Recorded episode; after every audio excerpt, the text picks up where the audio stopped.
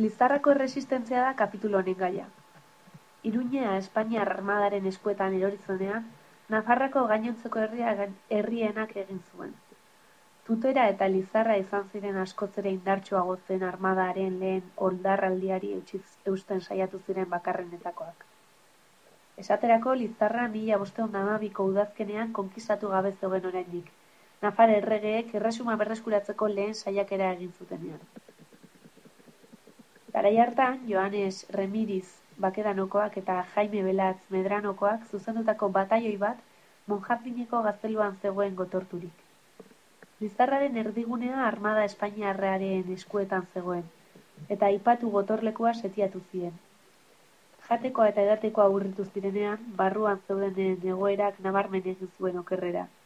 Batez ere Nafara erregeak bidalitako laguntza gerara zutenean.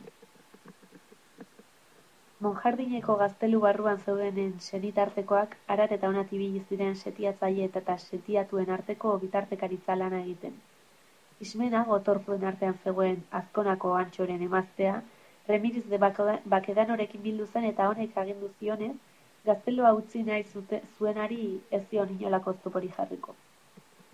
Orduan, Espainiar armadaren armadan zegoen bomonteko frantzes nafarraren gana zuen. Ismena gazteluan sartu eta inolako oztopori gabe joan ziren senarremazteak euren herrira. Tomas semea alta gazteluan geratu zen. Lizarra birrenduta geratu zen. Korrea kronista Espainiarrak egineko txosten batean agertzen denez, herritarrei arma guztiak kendu zizkieten eta bertako biztanlerik zala partatienak errestratu zituzten.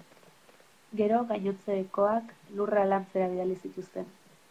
Egoera ezen xamurra, korrearen beraren hitzetan, lizarrako lurra kondatuak zeuden eta bertako bizilagunei ipostaxola zitzaien dena.